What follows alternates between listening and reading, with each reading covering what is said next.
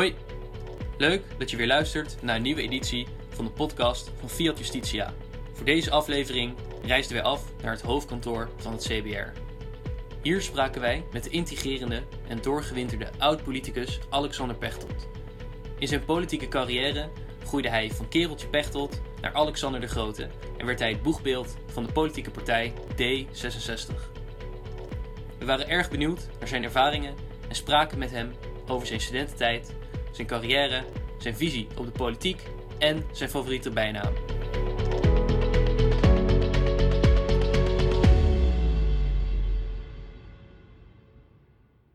Meneer Pechtold, u zit tegenover ons voor onze zoveelste podcast van eh, de Juridische Faculteitsvereniging Rotterdam voor Fiat Justitia. We gaan eerst, we, zouden, ja, we zouden het met u willen hebben over onder andere uh, uw studententijd.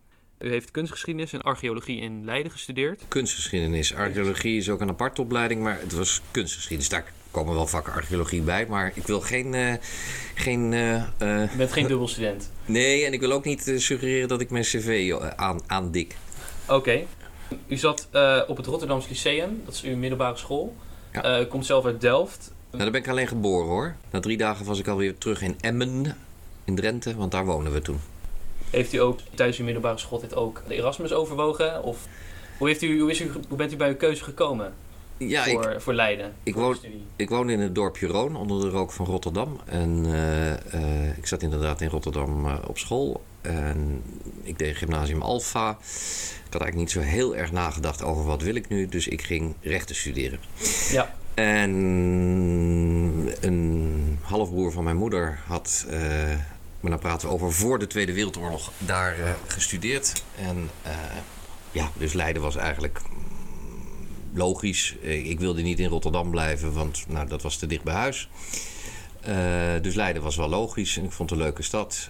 ik kwam er alleen wel na vier maanden achter dat rechten niks voor mij was. Dus ik ben het jaar daarna gewisseld naar kunstgeschiedenis is toch wel een flinke overstap, uh, ja. me voorstellen. Maar ja, het waren uh, de jaren, hè, we, we, hebben het over, uh, 1985 gingen studeren.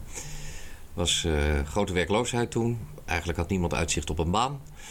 dat heb je één keer in de zoveel tijd, hadden we in 2008, 2009 hebben we dat ook weer gehad. En ehm, toen dacht ik, ja, ik, ik, nou ja, als het toch moeilijk wordt op de arbeidsmarkt, kan ik beter iets gestudeerd hebben wat ik leuk vind dan dat ik dadelijk werkloos ben in iets wat ik ook nog niet echt leuk vind. Er wordt wel eens gezegd uh, in eerdere interviews of dat u verwijten krijgt dat u zo lang ook heeft gestudeerd. Ja. Maar was u dan geen serieuze student? Liep u de kantjes eraf? Of was u toch wel serieus, maar heeft u gewoon uw tijd genomen? Nou, laat ik voordat ik mezelf ga verdedigen uh, eerlijk toegeven dat uh, ik het studentenleven en alles wat daarmee samenhing best leuk vond. En dat ik ook niet heel erg ijverig was. Maar ik heb uiteindelijk iets van, geloof ik, tien jaar ingeschreven gestaan. Uh, maar er, de laatste drie, vier jaar was vooral omdat ik uh, mijn scriptie nog niet had geschreven. Dus ik was al aan het werk. En eigenlijk, die scriptie zag ik als een berg tegenop. Want ik vond het al leuk dat ik gewoon aan het werk was. Uh, dat knaagde, dat knaagde. En toen heb ik na al die jaren bedacht, ik ga het toch afmaken. En heb ik, uh, heb ik die scriptie eigenlijk in hele korte tijd geschreven. Dus dat had ik veel eerder moeten doen. Uh, dus als ik netto kijk, hoeveel jaren heb ik nou echt gestudeerd? Zijn dat er misschien zes, nou, laten we zeggen, hooguit zeven geweest. Dus u voelt zich best wel comfortabel eigenlijk in uw studentenleven.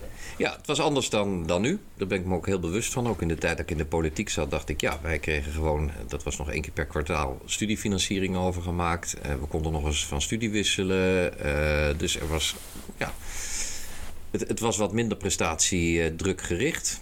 Ehm, dus ja, ik, ik, ik, ik zie wel dat het op dit moment allemaal veel zakelijker, strakker en afrekenbaarder is.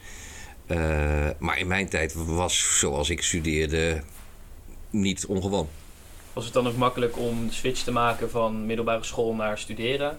Omdat het toch wel enige vangnetten waren en dat het iets makkelijker was om... Nee. Nou, je kon meer misschien doen wat je wil. Nee, juist niet. Want ik denk dat heel veel dingen die nu weer beter zijn georganiseerd... over het begeleiden van studenten zo... je kon in mijn tijd echt nog verzuipen. Ja. Ik kende ook niemand in Leiden. Echt helemaal niemand. Uh, en ik heb me die eerste maanden ook best wel alleen gevoeld. Ik kon nog niet direct een kamer vinden. dus ik zat bij een, bij een tante in, in Den Haag, een bejaarde vrouw, zat ik, zat ik op kamers. Nou, daar word je s'avonds ook niet echt dolgelukkig van als je, als je daar komt. dan moet, je moet de laatste trein nog zien te halen en dat soort dingen. Maar gelukkig vond ik heel snel een leuk studentenhuis. en dan krijg je een soort, ja, een soort vangnet. Uh, maar ik heb ook mensen echt uh, helemaal zien vastlopen. Uh, die de overgang ook naar de totale zelfstandigheid. Hè? Je moet opeens alles. Je moet je eten, je moet je was, je moet, nou, je moet jezelf aan het werk houden. Je moet, nou, ik, ik, heb in die tijd ook wel mensen kopje onder zien gaan. Ja, tijdens uw studententijd, wat heeft u toen gedaan om uw horizon te verbreden? was u toen al actief bij D66? nou, dat, dat kwam op een gegeven moment wel, maar meer tegen. Ik ben in 1989, dus mijn vierde jaar ben ik uh, lid geworden van D66. Eigenlijk helemaal niet met het idee om er, om er wat mee te doen. Maar ik vond dat Hans van Mierlo, eh, de oprichter van D66... en toen ook nog toonaangevend uh, en, en weer in opmars. Want in de jaren negentig heeft D66 natuurlijk twee periodes meegeregeerd. Ehm, dus daar, ik, ik, ik vond dat ik die beweging, dat gedachtegoed moest steunen. Maar mijn horizon verbreden, dat was je vraag. Ehm, ja, als ik nu soms kijk naar de cv's van, van mensen die van de universiteit afkomen, ja, dan, dan uh, is uh, een jaartje wezen backpacken in Colombia of uh, een, een master in Milaan of, of, of ergens gevolgd hebben. Nou, dat is heel normaal. En ik weet nog wel dat in mijn jaarclub was het heel bijzonder dat iemand uh, een keer uh, in, in, in de Verenigde Staten een, jaar ging studeren. Dat was echt heel bijzonder. Uh, dat zat, dat, die mogelijkheden waren er niet. ook niet in andere studentensteden ze een deel van een pakket bij doen. Nee, dat, dat, dat, dat was er niet. Dus je oriënteren, je verbreden, ja, dat hing een beetje van jezelf af. ik kreeg wel altijd, ik, ik heb altijd gezorgd voor leuke bijbaantjes. Dus ik, ik ging niet borden wassen, maar ik werd post in een museum in Leiden. Niet dat je daar nou als kunsthistoricus alles, maar het is toch het begin van een netwerk. Dus de, op die manier, uh, en uiteindelijk ook met de politieke partij, want daar werd ik uh, fractieassistent. Uh, ja, dan ontwikkel je toch meer dan alleen je studentenhuis en, en, en vereniging. Ja, u was niet, werkte niet alleen in een museum, u was ook veilingmeester. Ja. Is dat ook waar u redenaarskunsten hebt opgedaan, dat u daar zo vaak aan het woord was? Ja, als ik, als ik nu, ik, ben, ik word uh, volgende week 55, als ik nu terugkijk, dan denk ik dat ik toch meer rode draden zie dan ik. Maar dat is natuurlijk als je er middenin ziet, dan zie je dat niet bij jezelf. Uh, ik was eigenlijk als tiener, nou, was ik helemaal niet zo uitgesproken, was ik eerder verlegen. Uh, maar ik kwam er wel vrij snel achter dat ja, hoe, hoe, hoe, welke rol wil je spelen? Klinkt wat abstract, maar uh, waar liggen je krachten? En uh, voor mij, het klinkt een beetje dramatisch, maar dat valt wel mee hoor. Ik ben een keer uh, door een groep jongens, toen ik uit school kwam, in elkaar geslagen. En dat was echt van de fiets afgetrapt. En drie kerels stonden gewoon me overal te, te schoppen en te slaan waar ze maar konden.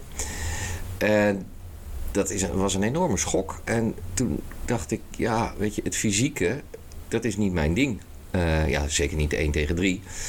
Maar ik dacht, ja, uh, het verbale, uh, dat, dat is mijn wapen. Hè? en toen was er de mogelijkheid om bij het school, schooltoneel. Oh, wat, dat was niet zo populair om daarbij te zitten, maar ik ging bij dat schooltoneel. En daar leerde ik op een podium jezelf een houding geven.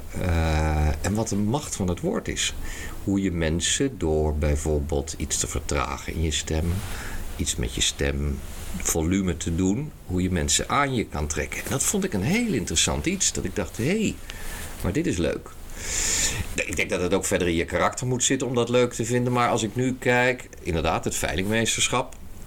Je moet een zaal weten te binden. Je, je staat per zitting 200, 300 nummers te veilen. Mensen komen niet voor die 300 nummers. Ze komen er voor één of voor misschien drie.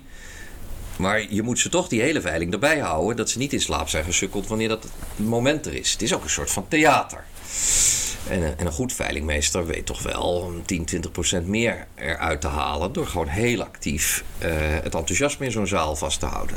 Dus daar merkte ik ook al van, nou, dat, dat, dat, dat heeft invloed als je dat goed doet. Als je daar geïnteresseerd in bent en jezelf technieken aanwendt. Dus zo verrassend was het niet dat ik merkte dat dat in de politiek ook het belangrijkste wapen is. Hoe bent u als veilingmeester dan uiteindelijk in de Haagse politiek terechtgekomen? Overnacht. Uh, ik, uh, ik heb eigenlijk van mijn beroep mijn hobby gemaakt en van mijn hobby mijn beroep. Ik was veilingmeester. Ik werkte al vijf jaar bij dat veilinghuis. Ik ben daar begonnen met gewoon uh, als werkstudent de schilderijen omhoog houden. Overigens leer je het meest van de achterkant van een schilderij. Dus dat was heel handig, want dan kijk je naar de achterkant. Ehm, en uh, ik zat in de gemeenteraad uh, in Leiden. Uh, en overnacht, maar dat is een avondfunctie. Hè, dat, dat is een, een, nevenfunctie. Staat wel een paar aantal uur per week voor, maar dat was niet mijn hoofdfunctie. En een jaar voor de verkiezingen van 1998, dus in 1997, we hadden, leverde, D66 leverde twee wethouders.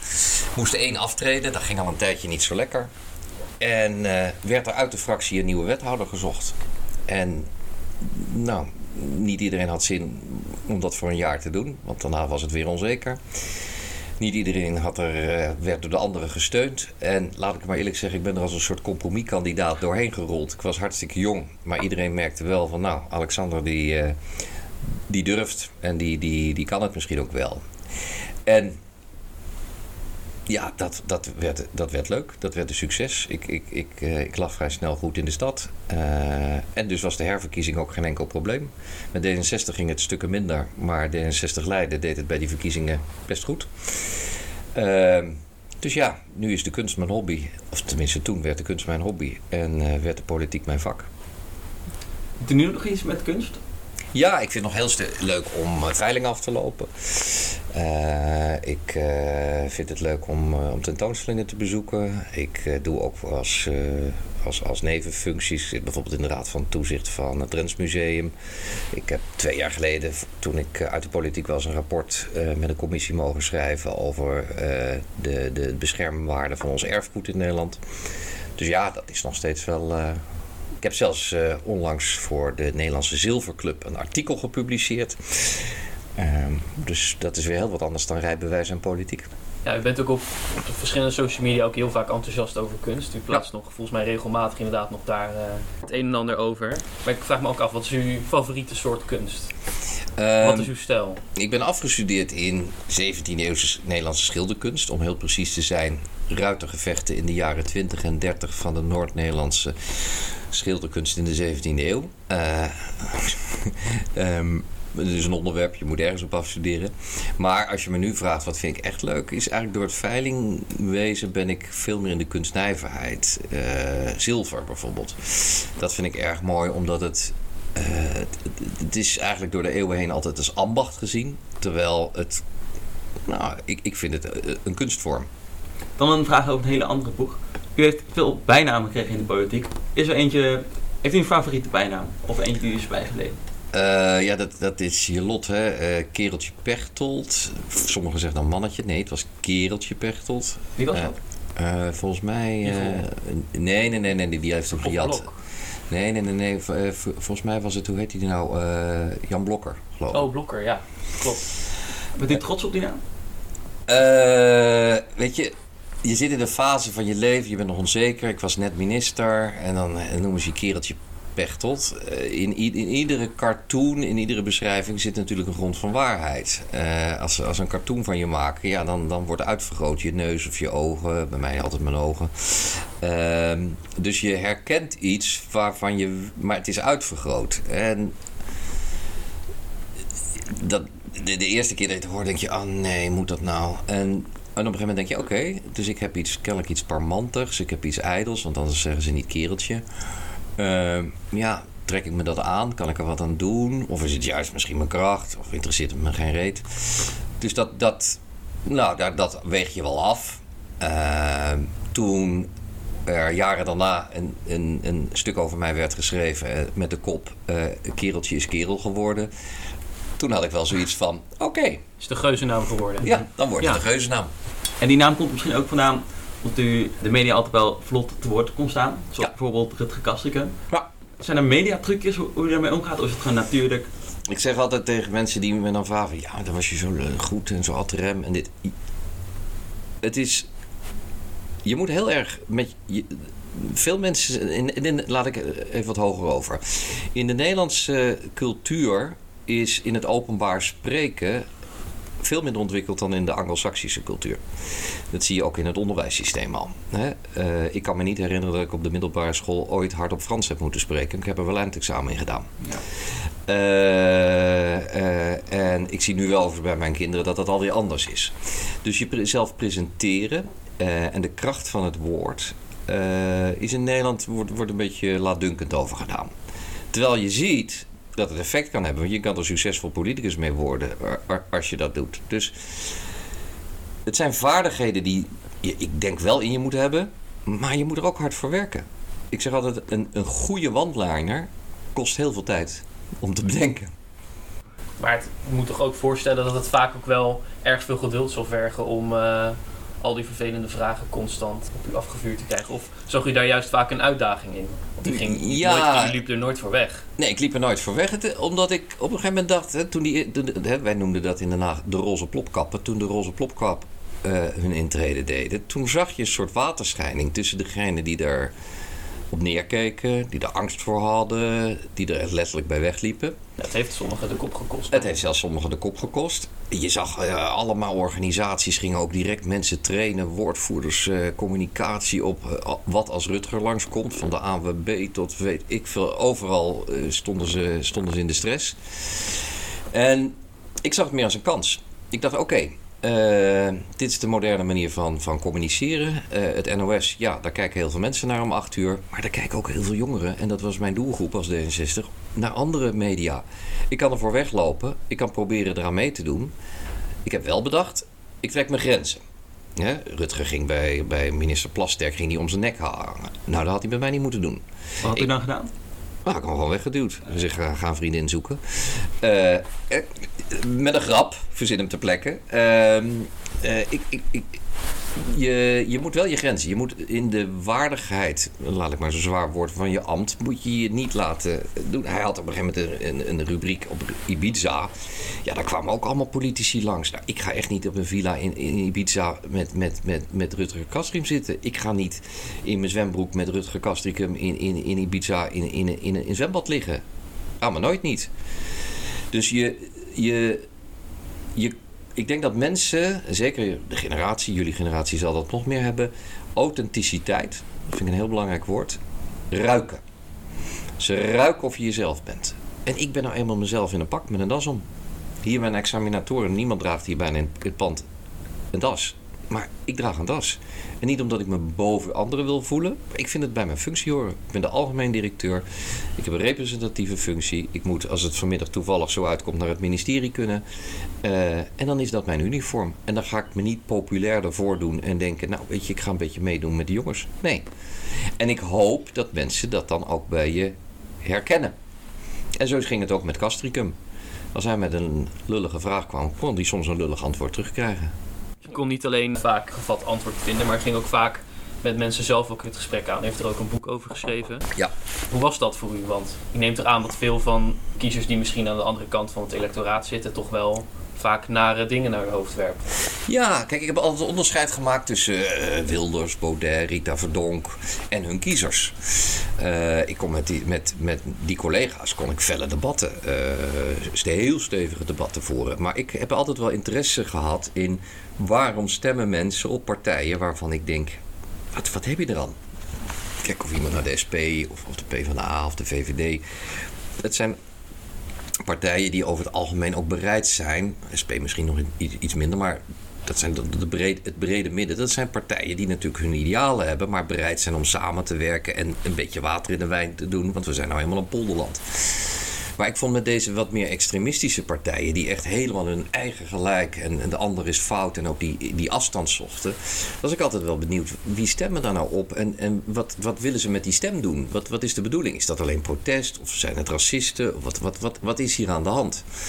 En ik merkte dat toen ik met Wilders zo in de clinch lag en hij het begrip Henk en Ingrid had geïntroduceerd als de, hè, de, de archetypes van de gewone Nederlander.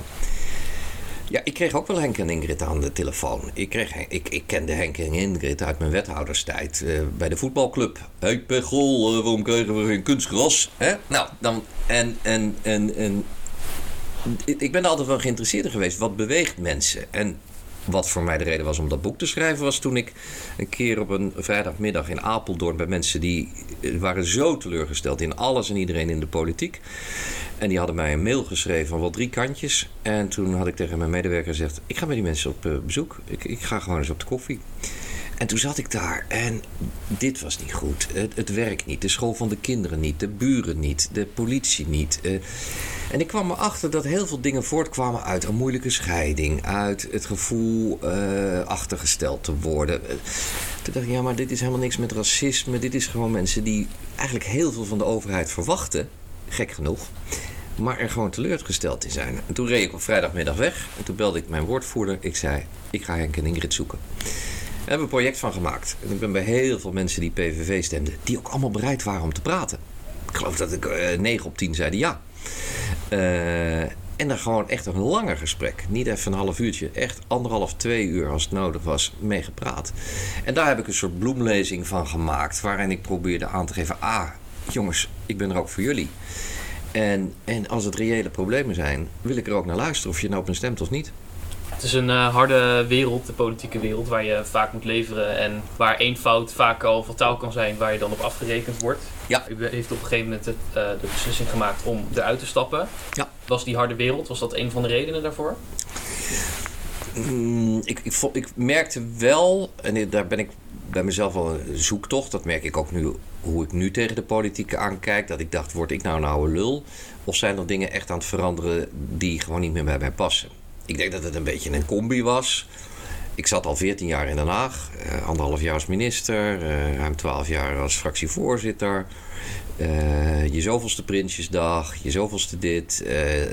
dus ik dacht ook van, nou, het is tijd. Ik, wil, ik vond het heel fijn om naar iets toe te werken. 19 zetels, weer kabinetsdeelname, zes bewindslieden neerzetten. Daar heb ik echt van genoten. Ik heb ook nog een jaar echt plezier van gehad. En toen dacht ik, nou is mijn tijd voorbij. Ik heb een rol gespeeld in het wederopbouwen van D66 met een heel team. Uh, maar ik vond het ook om me heen dat ik dacht: ja, het niveau van het debat. En dat zal misschien het oude lullendeel zijn. Ik denk, ik had mezelf voorgenomen als ik een paar maandagen, maandagen achter elkaar naar mijn werk rijd met het gevoel: pff, dan ga ik dat doen. Dan ben ik weg. Nou, en op een gegeven moment was die een paar keer pff, en toen dacht ik, ik ga weg. Heeft u nog contact met mensen uit D66? Ja. Ja. Spreekt u uh, over de dagelijkse politiek nog of is het meer nog even bijpraten? Uh, nou, ze hebben mij erelid gemaakt onlangs. Dus ik voel ook een zekere verplichting om, om uh, zo nu dan te coachen of, of ergens mee te denken en te helpen. Maar ik heb bij mijn afscheid gezegd, ik ga jullie niet bellen, maar je mag me altijd bellen. En soms word ik door een afdeling gebeld. Zou je het leuk vinden om nog eens een keer dat te doen? Nou ja, Rob, Jet en anderen hebben het druk. Ik ook overigens. Maar dan denk ik, dat vind ik wel leuk. Dus ik spreek ze nog wel. ik mis sommigen ook heel erg. want ja, dat zijn ook mensen waar je dag en nacht, jaar in jaar uit mee hebt gewerkt. En heel veel hebt meegemaakt. Maar ik, ik heb er...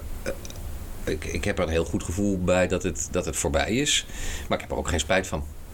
En buiten 62 nog andere... Ja, ja, ja. Ik had gisteren Sibran Buma even aan de lijn. Die is nu met een onderzoek bezig wat weer voortbouwt op het onderzoek wat ik naar erfgoed heb gedaan.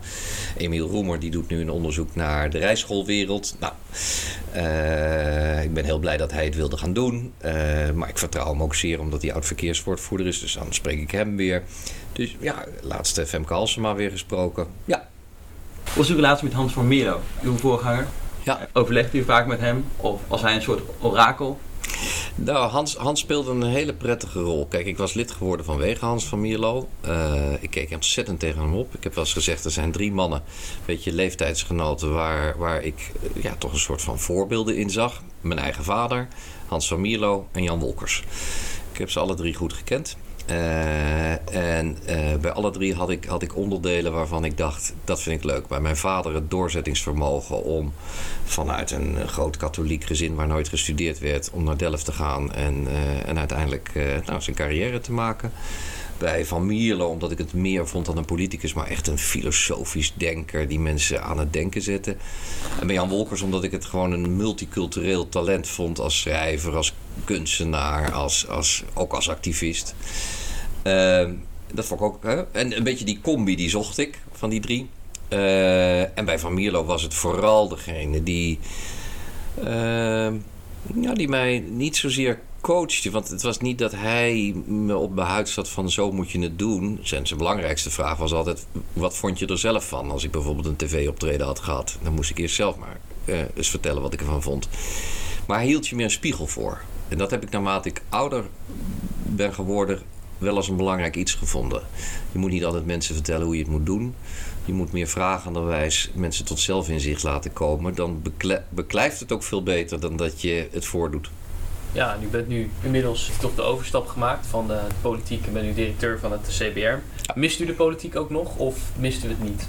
Wat mist u eraan of wat niet? Nou, ik mis de mensen, maar het, het hele gehakketak uh, kan me gestolen worden. Kan ik me iets bij voorstellen?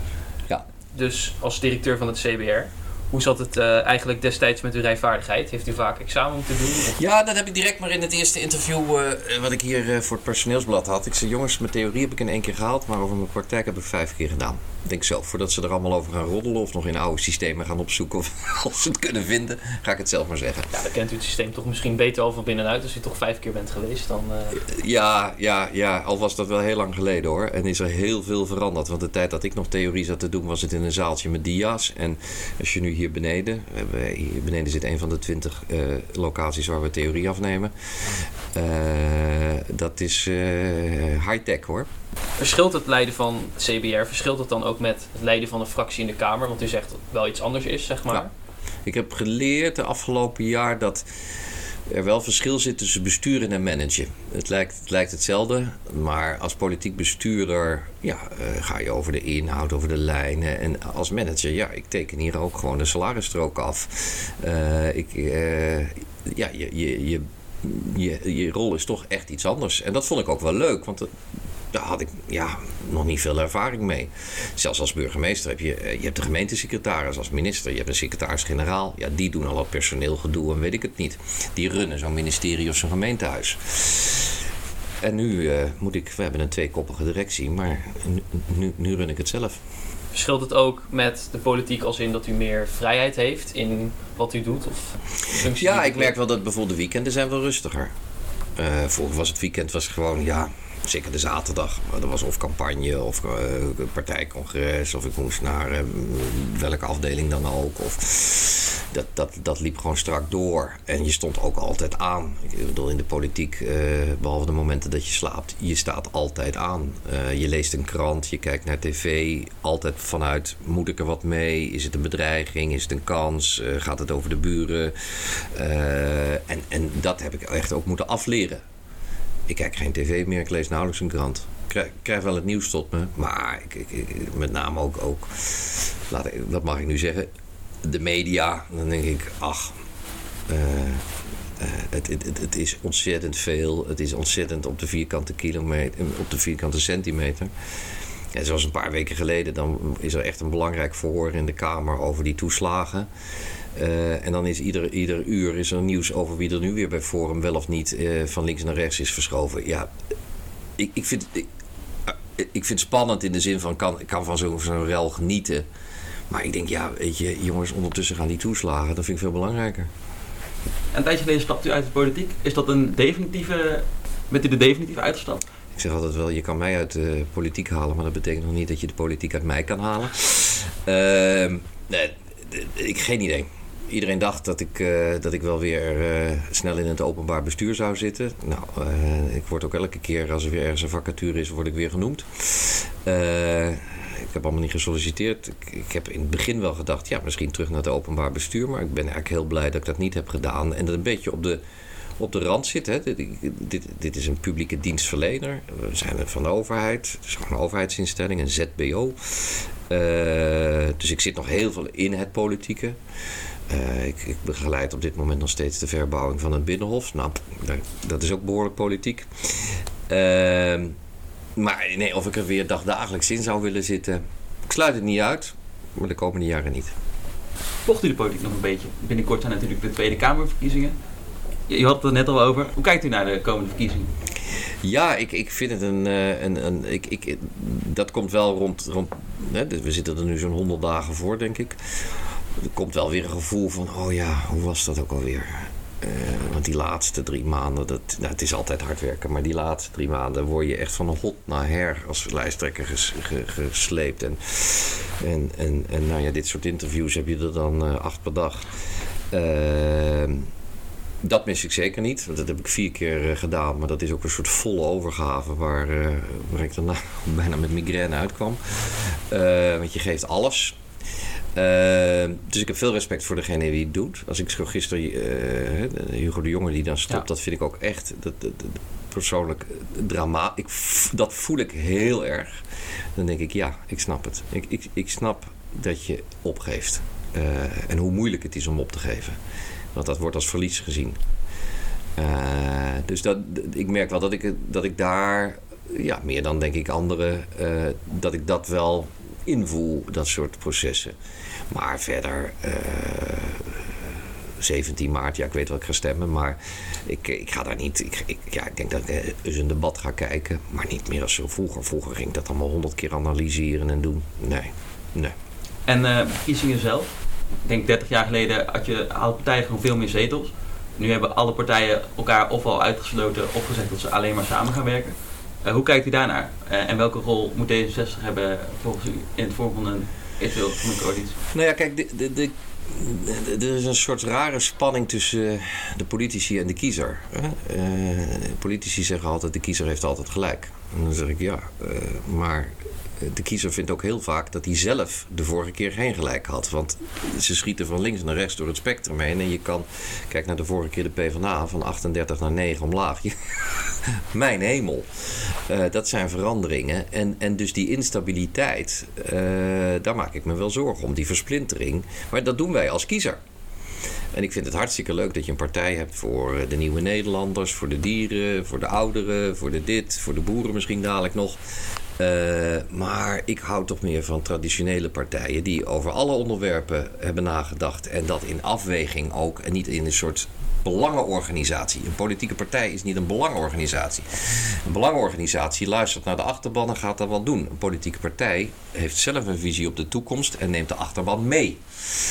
En die, ik hoop dat ik dat duidelijk zeg, dat die verandering, daar, dat vind ik een zorgelijke ik heb ook wel eens meegemaakt dat de achterban iets niet wilde. En ik dacht, ja, hè, en toch vinden wij vanuit het totaal dat we mensen daarin gaan overtuigen. D66 was de eerste partij die de AOW-leeftijd wilde verhogen.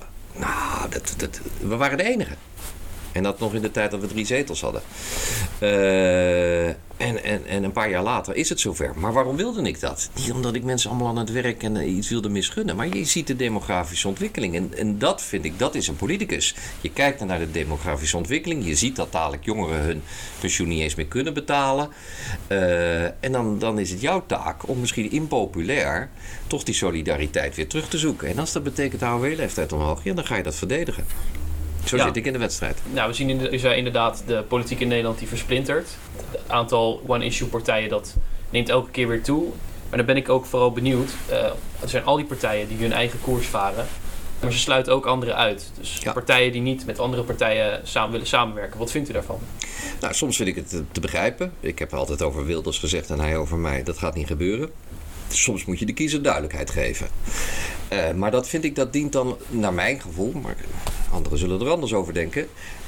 Echt op punten waarvan je zegt, dat, dat, dat, dat zit zo diep in, in mijn basiswaarden uh, over hoe ik over de samenleving denk. Dat kan niet. Kijk, over onderwijs, de een wil misschien erop bezuinigen een miljard, de ander wil er een miljard aan uitgeven. Dan ga je onderhandelen, misschien wordt het dan nul. Uh, of je zegt, jij krijgt je zin bij onderwijs, krijg ik het bij defensie. Uh, dat is onderhandelen, dat is gezamenlijk zoeken naar draagvlak voor, voor standpunten. Maar ja, als, als er partijen zijn die discrimineren, uh, ja, weet je, daar wil ik gewoon niet mee samenwerken. En dat kan je dan maar beter van tevoren uitspreken. Maar wat je nu weer ziet, dat PvdA, GroenLinks, SP. Ik heb het allemaal, ik heb ze langs zien komen. Jan Marijnissen, Wouter Bos, Femke Halsema. Ze zouden samenwerken. Nou, het gebeurde weer niet. En, en dan stel je kiezers teleur. Ik vind wel dat progressief Nederland, ik vind mezelf progressief, een, een, sociaal-liberaal, laat zich vaak uit elkaar spelen. Maar ja, ik heb het de laatste keer zelf ook weer meegemaakt. Ik wilde met GroenLinks en VVD-CDA. Maar tot twee keer toe liepen ze weg. Ja, nou zit ik met de ChristenUnie. Of we, ik zeg weer we. Nou zitten ze met de ChristenUnie. Overigens viel daar uiteindelijk best een net akkoord mee te sluiten. Maar dat was niet nodig geweest. En als GroenLinks echt wat had willen doen aan klimaat en, en, en vluchtelingenbeleid... en noem het dingen die ik ook belangrijk vond... Ja, dan moet je wel leren samenwerken. Dan moet je eh, eh, het gemiddelde zoeken. Dus ik vind dat dat deel van het elkaar van tevoren vasthouden of uitsluiten dat beperkt eigenlijk je kiezer. En ik vind dat je je kiezer zo goed mogelijk moet vertegenwoordigen. En, en de ene keer kan je die kiezer voor 100% helpen, de andere keer voor, voor, voor 60%. En je ondergrens moet je zelf natuurlijk bepalen. Maar dat, dat is politiek. En dat dat niet iedereen snapt, dat is vervelend, maar dat moet je dan uitleggen.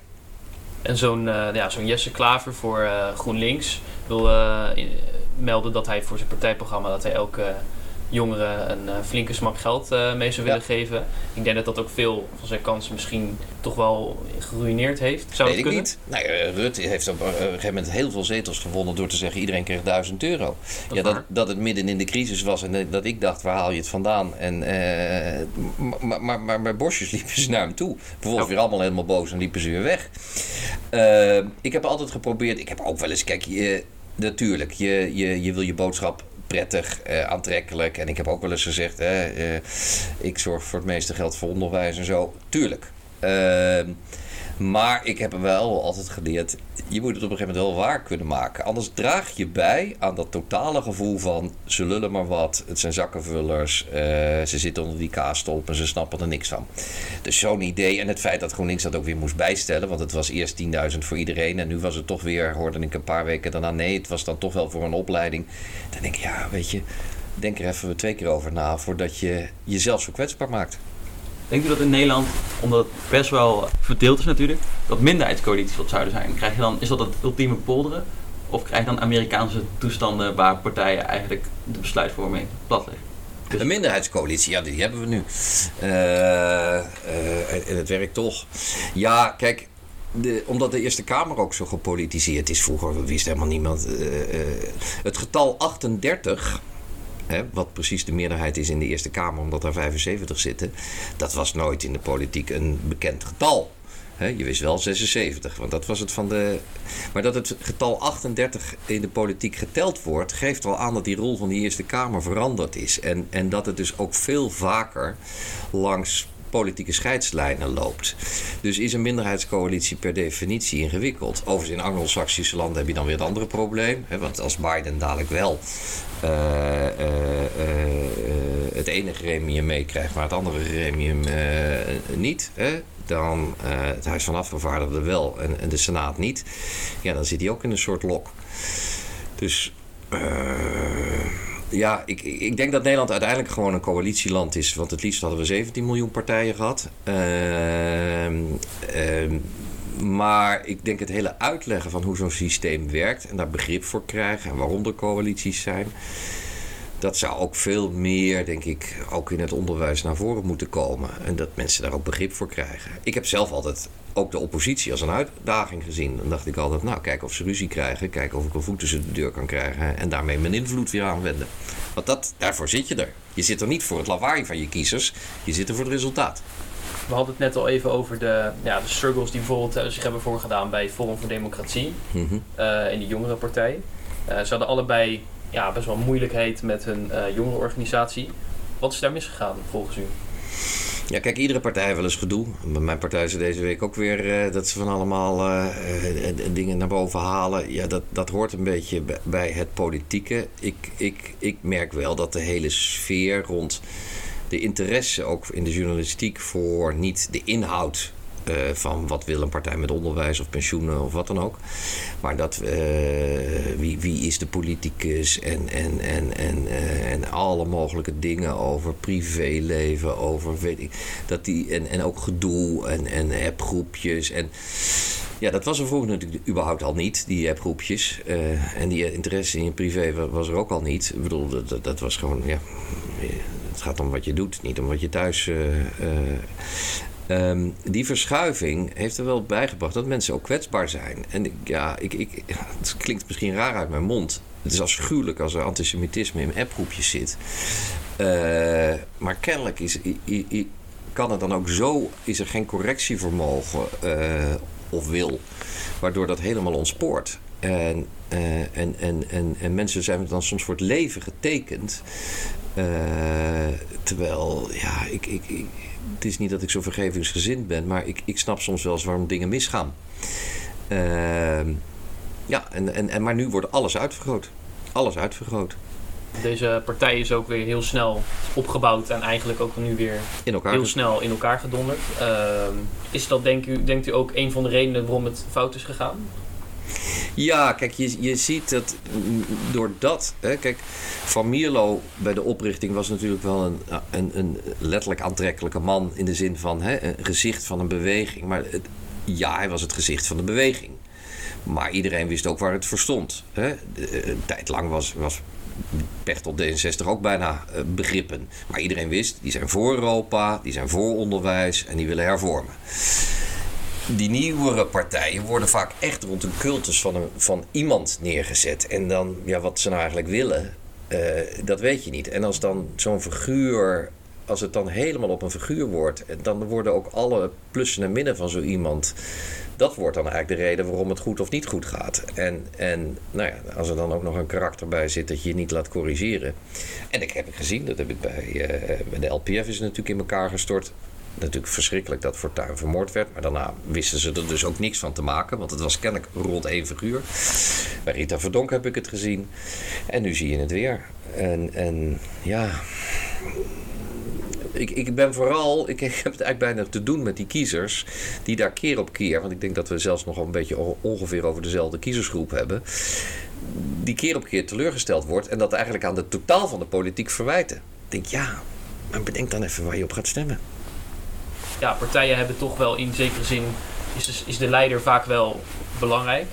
Zijn er dan kwaliteiten die u extra belangrijk vindt in een goede leider, die u zelf uh, graag terugziet? Nou, kijk, de, de tijden dat je een verkiezingsprogramma schreef en voor vier jaar een soort ideaalwereld uh, neerzet, die is er niet meer. Wie had corona kunnen bedenken? Wie had de vluchtelijke stroom uit Syrië kunnen bedenken? Wie had kunnen bedenken dat er een brexit kwam of dat Trump gekozen werd? Ik bedoel, de, de instabiliteit van, van wat je voorspelt is de dag dat het partijprogramma de ink droog is, is, is, is die er al. Ik kan het al bijstellen. Dus zijn personen wel belangrijk. En nou, dan komt het weer. Dat wordt authenticiteit. Dat vind ik belangrijk. Of, of Hugo de Jonge rare schoenen draagt of niet. Als hij daarmee zichzelf is, prima. Uh, als hij daarmee probeert populair te zijn, dan krijg ik een vraagteken. Nou, ik denk dat het bij hem echt gewoon is omdat hij ze mooi vindt. Uh, maar dan moet je je ook wel bewust zijn dat mensen daar raar naar zullen kijken. Maar zo, zo kijk ik altijd een beetje tegen, tegen. Heb ik mezelf altijd een spiegel voorgehouden. En kijk ik ook naar anderen. Ben je authentiek? Ben je jezelf? Uh, want dat vind ik de belangrijkste. Ik weet niet of corona er dadelijk wel of niet nog is. Maar ik wil iemand aan het roer hebben die ik toevertrouw. Er dan op een verstandige wijze mee om te gaan. En daar stem ik op. Toen we hier binnenkwamen, zei je december, drukke maand. Ja. Gaat u nog iets doen met de feestdagen? Wordt het uh, bijzonder dit jaar? Het wordt uh, uiterst, uh, uiterst sober, maar wel in familiaire kring. Ja. Maar het museum kunnen we nog wel bezoeken, dus wie weet wordt het een hele museumtocht. Hartelijk bedankt dat we u mochten interviewen. Graag gedaan. We zijn een stuk wijzer geworden over uw studententijd en de politiek. Dit was ons gesprek met Alexander Pechtold. Wil je graag meer podcasts van Fiat Justitia beluisteren? Of wil je op de hoogte worden gehouden van nieuwe afleveringen? Hou dan vooral onze Spotify-pagina in de gaten.